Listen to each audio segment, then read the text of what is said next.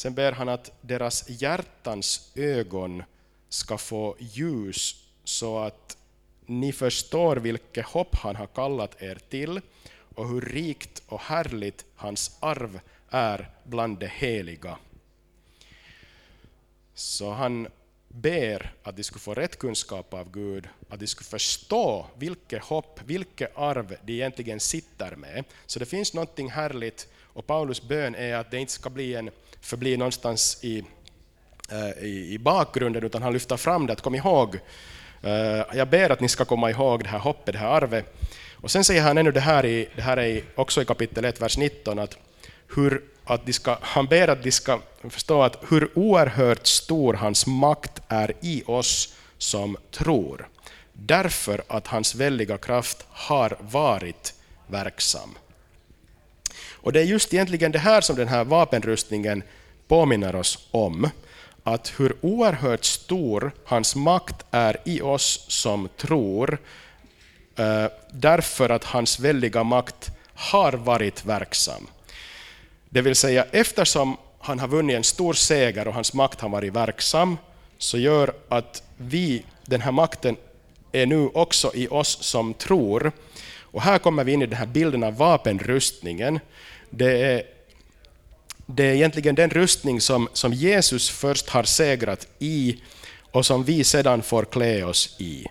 Eh, det är hans eh, vapenrustning, det är det vi kallar det att till sist bli starka i Herren och i hans väldiga kraft.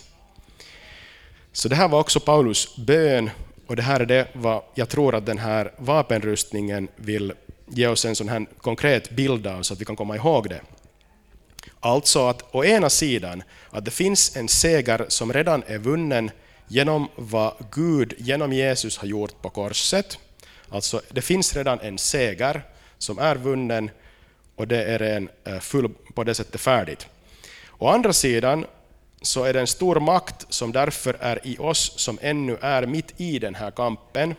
Den där slutliga, slutliga segern har inte ännu, ännu vad heter det, kommit, så det finns ännu en kamp kvar för oss och eh, därför behöver vi den här vapenrustningen. Ännu om Kristi seger så står det i det här systerbrevet, Kolosserbrevet, som är ganska, det finns många liknande teman, så där står det i Kolosserbrevet 2.15 att han avväpnade härskarna och makterna och gjorde dem till allmänt åtlöje när han triumferade över dem på korset. Så det betyder att egentligen så, så var det att Jesus dog på korset en stor seger. Och det var just där som han egentligen avväpnade härskarna och makterna, som också nämns som våra fiender i, den här, i de här verserna. Så vi ligger i ett tillstånd där en klar seger redan finns, men samtidigt eh, är vi i en väntan av en slutlig seger, och där ligger vi idag. Och just här i vers 12 så står det ju det här att vi kämpar inte mot kött och blod utan mot furstarna, mot makterna, mot världshärskarna här i mörkret och mot ondskans andemakter i himla rymderna. Jag läser ännu en sak från första kapitlet, riktigt från slutet där verserna 20 till 23. Det står så här att den kraften lät han verka i Kristus när han uppväckte honom från de döda och satte honom på sin högra sida i himlen. Högt över alla härskare, makter, krafter och herradömen och alla namn som kan nämnas, inte bara i denna tidsålder utan också i den kommande. Allt lade han under hans fötter, och honom som är huvud över allting gav han till församlingen, som är hans kropp fullheten av honom som uppfyller allt i alla. Så det här är också det som den här vapenrustningen handlar om, att vi har en som redan har segrat, och sedan har vi fått honom, eh, församlingen har fått sedan eh, Jesus, och i honom får vi då, eh, vad heter det, ta del av hans seger i den kamp som vi ännu har kvar. Och därför klär vi oss i den här rustningen. Men före vi kan tala om den här striden, eller, eller om de här, den här utrustningen, så måste vi ju kanske tala om den här striden ännu lite. Eller tänka på det här stridsfältet. Att vad är det här stridsfältet? Vad är den här kampen? Och eh, det får vi också från det att vi kollat på vad han har sagt tidigare här och, och i kapitel 2. Riktigt i början där i verserna 1-3 så säger Paulus att också er har Gud gjort levande, ni som var döda genom era överträdelser och synder. Tidigare levde ni i dem på den här världens sätt och följde härskaren över luftens välde, den ande som nu är verksam i olydnadens barn. Bland dem var vi alla en gång, när vi följde våra kötsliga begär och gjorde vad köttet och tankarna ville. Av naturen var vi vredens barn, precis som de andra. Så det här alltså ett, det har skett ett radikalt skifte från död till liv, från synd till liv. Och, eh, och han säger i, i Kolosserbrevet 1.13 samma sak, att han har frälst oss från mörkrets välde och fört oss in i sin älskade Sons rike. Så det finns ett välde och ett rike. Vi har tillhört det ena riket och har förts in i det andra riket. Och nu istället för att vara Guds fiender så har, är vi hans barn och vi har istället en annan fiende. Så det har skett ett så här stort skifte där i, i vilket rike vi tillhör, vilket välde. Och i och med att det har skett det här skiftet i vart vi tillhör, vilket rike vi tillhör, så har vi fått fienden enligt det. Och det är de här furstarna och makterna och världshärskarna och så vidare som det står där i vers 12. Och det är ju en osynlig andlig verklighet som det talas om här. Som vi läste redan att Jesus har övervunnit och som vi ändå nu kämpar emot. Och den här kampen pågår i vår vardag, i vår livsföring och eh, i de tidigare kapitlen har Paulus då tala om det här att, att leva i enlighet med vår identitet. Som sagt så har vi blivit flyttade från mörker till ljus och från död till liv och eh, det har kommit något helt nytt. Vi har förts från det ena riket till ett annat rike. Och Paulus kallar oss där i, i, i kapitlen 4 och 5 att att lev enligt det här, lev enligt det att du har blivit fört från mörker till ljus, och från liv till död och så vidare. Och han säger att i det här i kapitel 4, vers 23 och 24, att låt er förnyas till ande och sinne och klä i er den nya människan som är skapad till likhet med Gud i sann rättfärdighet och helighet. Så han säger att vi ska förnyas i den nya människan som är skapad i likhet med Gud i sann rättfärdighet och helighet. Så att, att vi ska på något sätt klä oss i den här nya identiteten, i den här nya människan, det som vi kan vara i och med vad Gud har gjort.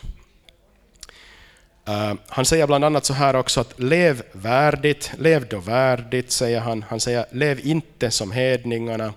Han säger att lägg bort lögnen, han säger att lev i kärlek, inte i sexuell omoral, inte i dumt och skamligt prat. I kapitel 5 så säger han att tidigare var ni i mörker, men nu är ni ljus i Herren. Lev då som ljusets barn. Var inte delaktiga i mörkrets ofruktbara gärningar, säger han också. Och tänk alltså noga på hur ni lever, säger han. Och ta väl vara på varje tillfälle, för dagarna är onda i kapitel 5, vers 16. Så det här är ju ett stridsfält. För vi har den här identiteten, vi har det här stora arvet, det här hoppet, och vi har blivit förda från, från eh, mörker till ljus. Men, men där är vi då i den här eh, pressen mellan det som har varit förr och det som nu är. Och, och vad heter det? det här sker mitt i vår vardag, i familjen, i våra relationer, mellan man och fru, och, och föräldrar och barn och herrar och tjänare som han också tar fram där i början av, av, av sjätte kapitlet. Så där är det där stridsfältet. Och eh, ja, och det gör ju oss ganska sådär, plötsligt så kommer det väldigt nära. Eh, det börjar med att det är en sån kosmisk andlig verklighet, men sedan kommer det väldigt nära, rakt in i vår vardag, där den här kampen faktiskt är. Några ord om fienden. För fienden har varit framme här redan och det står också då i, i den här att, eh, vi ska se här, ja, stå emot djävulens listiga angrepp. Så vi vet ju vem den här fienden är. Det är en bekant fiende för alla som har läst Bibeln. I kapitel 3 introduceras han eh, och han är då, kallas där till ormen. Och han var ju den som lurade Adam och Eva och sa att har Gud verkligen sagt så? Har han, har han sagt så? Månne han har sagt så, inte var det riktigt så. Och sen sa han att Nå, visst inte skall ni dö fast ni skulle göra så här som Gud har sagt att ni inte ska göra. Och han lyckades ju väldigt bra tyvärr. Och eh, i sista kapitlen i Bibeln så kallas han till en drake, så det är från orm till drake. Och, eh, men han kallas däremellan många saker. Han kallas bland annat lögnare, åklagare och motståndare. Eh, han är den som också beskrivs här som listig. Det står att djävulens listiga angrepp. Och vi faktiskt som kristna tror att en sådan här varelse finns. Det är ju det vad vi gör. Men Bibelns bild av djävulen är ju inte så löjlig som vi kanske någon gång hittar i, i någon bok eh, eller i film, att den är sådär enformig på något sätt, utan, utan den är väldigt nyanserad, den här bilden i Bibeln av djävulen. Han kallas också, eller det sägs att han förklär sig till en ljusets ängel. Så han är i varje fall fullständigt ond och falsk och har kommit för att förstöra. Ehm, det står i första Johannesbrevet 3.8 så här. Den som ägnar sig åt synd är av djävulen, för djävulen har syndat ända från begynnelsen. Men Guds son har uppenbarats för att göra slut på djävulens gärningar.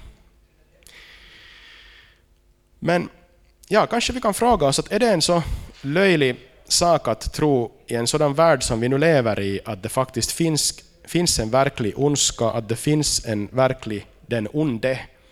Så det är inte så långsökt när vi, när vi tittar runt oss, och speciellt när vi ser nu på situationen i, i världen, men också när vi ser på våra egna hjärtan och på något sätt vi vet den här, uh, det här mörka som vi ser i våra egna liv och också uh, runt oss. Och eh, hela världen och våra egna liv tyvärr vittnar om att det finns en ondska. Och det gör också Bibeln. Jag hoppar till Petrus, vad han säger i första Petrusbrevet 5.8.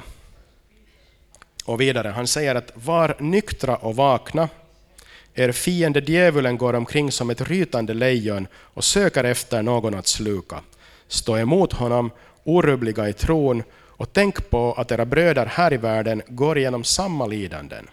Efter en liten tids lidande ska all nåds Gud, som har kallat er till sin eviga härlighet i Kristus, upprätta, stödja, styrka och befästa er. Så det här samma tema finns där i första Petrusbrevet om att det finns en fiende, där kallas han till ett rytande lejon, går omkring för att söka någon att söka efter någon att sluka. Så där har vi fienden. Nu har vi sammanfattat vår fiende, vårt stridsfält, och vi har konstaterat att det finns en andlig kamp.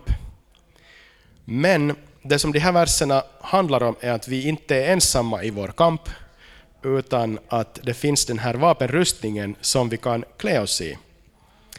Och nu ska vi då se på de här tre sista delarna av den här rustningen.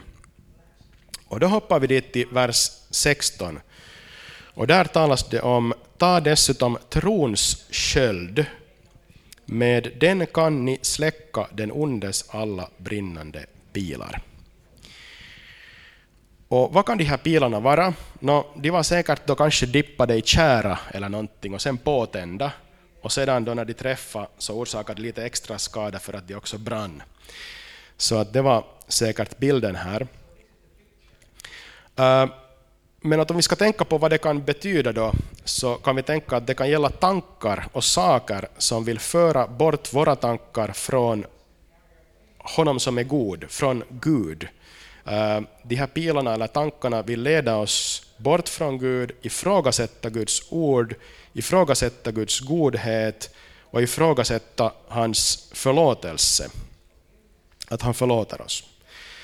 Eh, istället leds vi att tänka väldigt sådär eh, jag-centrerat, att vi är i centrum för allt, min vilja, min njutning, istället för Guds goda vilja, eh, Guds tankar, så vill de här pilarna skifta oss att tänka på oss själva och vår, vår, jag, jag och ni vet det här tankesättet.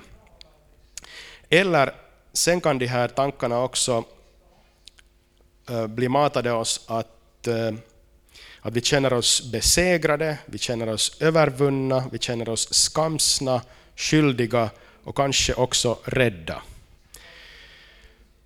Och tyvärr är det så att, att det är inte så lätt att vi skulle kunna säga att 100% av allt det här som den, eh, de här pilarna de skulle vara lögn till 100%. Det är inte så. Utan just grejen är det att de innehåller sanning. Och det är därför de är så dödliga och eh, effektiva. Det finns del sanning i det, alltid. Och det är listigt och det är vilseledande. Till exempel när vi blir anklagade för något vi har gjort fel, någon gammal synd kanske, så är det inte på en nivå helt korrekt att säga att du har gjort fel, du är skyldig. Så på en nivå så är det ju sant. Så är det. Jag har syndat, jag har gjort fel och blir det där så, så har den här pilen träffat mig och jag faller. Men, men det finns något mera än, det. än det. Uh, och, och, det är just uh, där vi behöver den här trons uh, sköld.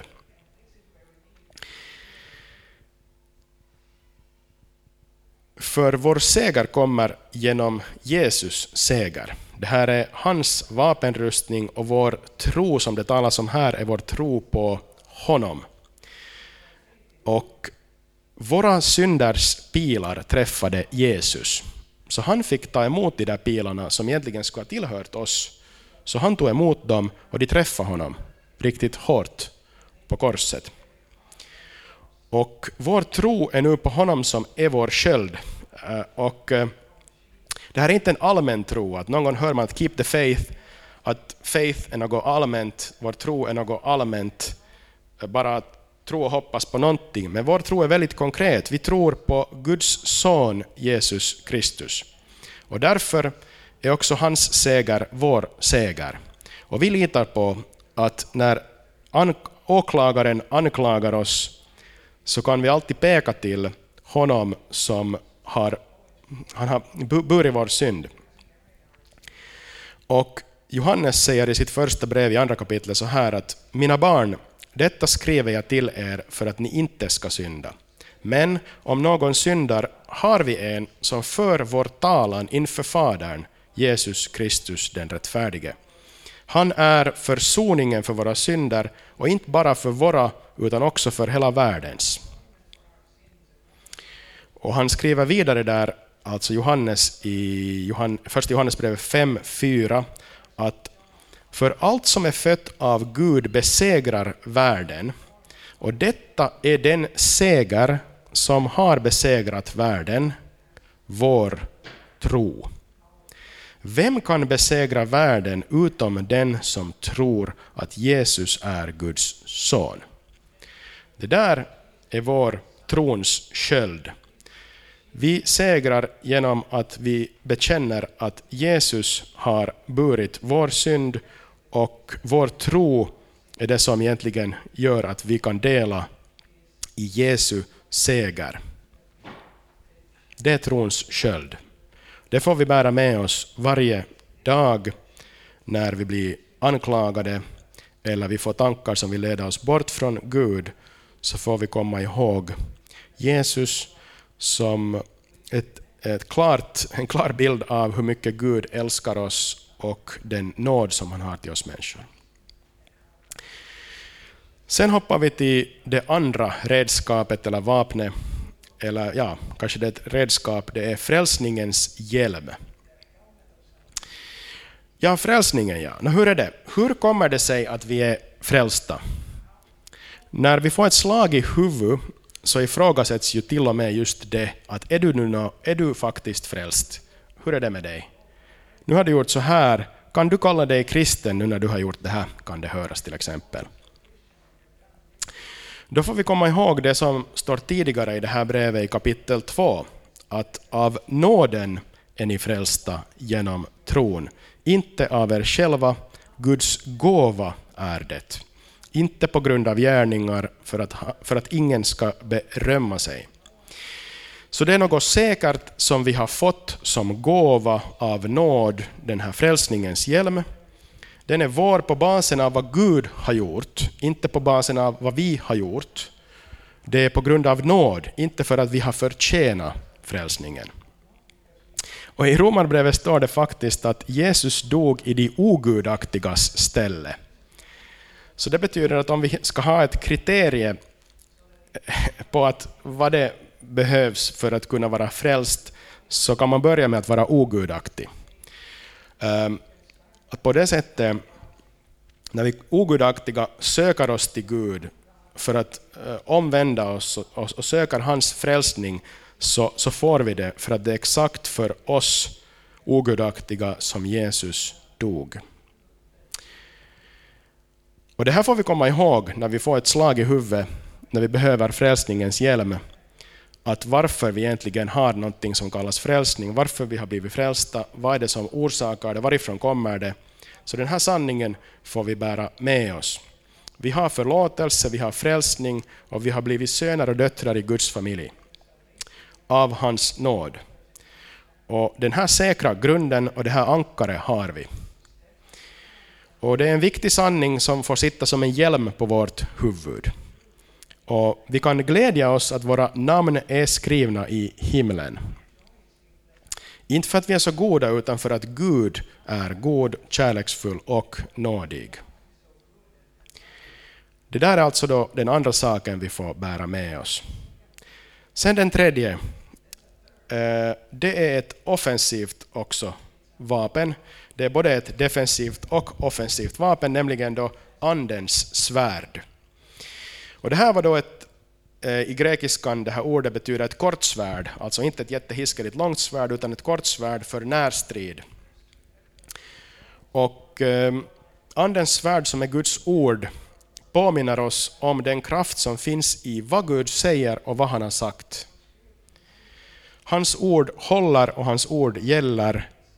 Och det står om Bibeln i Andra Timoteusbrevet 3.16 att hela skriften är utandad av Gud och nyttig till undervisning, till rättavisning, upprättelse och fostran i rättfärdighet, så att gudsmänniskan blir fullt färdig, väl rustad för var, varje god gärning. Så hela skriften, Guds ord, rustar oss på många sätt.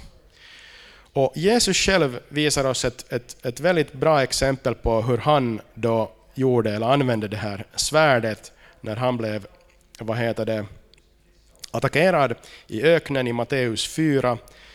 Djävulen försöker snärja honom med att få honom att förvandla stenar till bröd. Och Jesus svarar med att citera Bibeln och säger att, eller Mose och säger att eh, Människan lever inte bara av bröd utan av varje ord som utgår från Guds mun. Och Det tog han från femte Moseboken 8.3. Och Det här betyder att vi har Guds son själv som använder Guds ord från Gamla testamentet som ett vapen mot den onde. Så Jesus själv sätter en så stor eh, tyngd på Guds ord i Gamla testamentet att han använder det till, till strid. Han, egentligen, han bekräftar Gamla testamentet på det sättet att han använder det som ett svärd. Och det får också vi göra. Men det betyder ju förstås att vi måste ju komma ihåg Guds ord. Vi måste läsa Guds ord och komma ihåg det. För vad hjälper det att det finns någonstans när man behöver det, så då ska man ju ha det nära sig och eh, så att säga handy nära. Och det här är ju ändå, nu talar vi om defensivt, men, men på ett sätt så är det här också det offensiva vapnet för för det här ordet orsakar någonting just i den här den andliga verkligheten också. Det står i Matteus 13, 19 i den här liknelsen om såningsmannen. Så det står att um, när någon hör ordet om riket men inte förstår det kommer den onde och rycker bort det som såddes i hans hjärta. Och där får vi bilden av att när någon hör ordet, så det är som att någonting sker, men då kan den onde komma och rycka bort det som såddes i ett hjärta så att man inte förstår och det leder inte någon vart. Men att då har det skett en, en, vad heter det, en offensiv i det andliga. Um, I Andra Korintierbrevet 4, 3 och 4 står det att om vårt evangelium är dolt, så är det dolt för dem som går förlorade.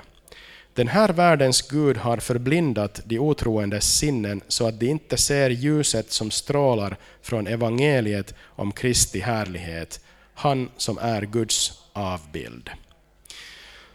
Så det här ordet är väldigt avgörande. Det här evangeliet som Guds ord eh, berättar om och tar fram, så det är ett offensivt vapen. Och eh, den onde vill då hålla det borta för att kunna förblinda de otroendes sinnen så att de inte ser ljuset som strålar från evangeliet. Alltså ordet vittnar om ljuset som strålar från evangeliet om Kristi härlighet. Det är det vad ordet egentligen gör och vill göra och vittna om. Och, och det är det som den onde inte vill att sker. Och eh, ja, men det här som Jesus själv använde det här till och sa att människan inte lever av bröd utan av varje, bara av bröd utan av varje ord som utgår från Guds mun, är någonting som vi får komma ihåg att, uh, att vi också behöver. Vi behöver det här Guds ord, vi behöver det på många olika sätt. Vi behöver just för att se det här härliga evangeliet, vi behöver det i vår eh, defensiva strid, vi behöver det i vår offensiva strid. Och egentligen alla de här Eh, vapenrustningen i sin helhet, så var har vi det om inte i Guds ord? Så det är förstås väldigt centralt. Och Det är viktigt att bli mättade av det här, för, för annars är vi, vi hungriga. Och är vi hungriga så mättar vi oss med något onyttigt. Det är helt möjligt. Så, så vi får mätta oss med det goda så att vi inte eh, står hungriga efter, efter något som är onyttigt. Okej, Nå till slut några konkreta applikationer, alltså vad vi, vad vi då ska göra. Så den här texten säger ju att vi ska stå fasta. Vi ska ta på oss den här rustningen, vi ska stå emot djävulen och hans listiga angrepp, vi ska stå emot på den onda dagen, vi ska stå upprätt. Vi ska vidare, som det står i de senare verserna också, vara vakna och hålla ut i bön för alla de heliga. Och här kommer vi till den här sista aspekten, att det här är inte bara en sån här helt privat grej, utan det är också en kollektiv grej. Att vi ska be för alla de heliga, vi ska be för varandra. Så det finns den här aspekten av att det här är inte bara det privata som vi sysslar för oss själva, som är väldigt sådär, um, ehm, gäller bara individen, utan, utan det gäller oss att vi också får komma ihåg alla de andra som är i precis samma strid att, att Gud skulle hjälpa dem. Och Paulus som är den stora aposteln så säger ju här också att be för mig så att jag frimodigt förkunnar evangeliets hemlighet för vilken jag är ambassadör i bojor. Be att jag talar så öppet och fritt som jag bör. Så inte han heller tyckte att han klarade utan att be att de skulle be, be för honom. Alltså han, han ville att de skulle be för honom, för han kände att han behövde det i den här mera då offensiva kampen. Så vi får då till slut komma ihåg att vi inte är utan hjälp i vår strid, att det finns en seger som vi får påminna oss om. Och Gud själv har redan vunnit den här segern som vi får vara delaktiga i. Och vi får bli starka i Herren och i hans väldiga kraft och Gud är vårt beskydd. Vi ber till slut.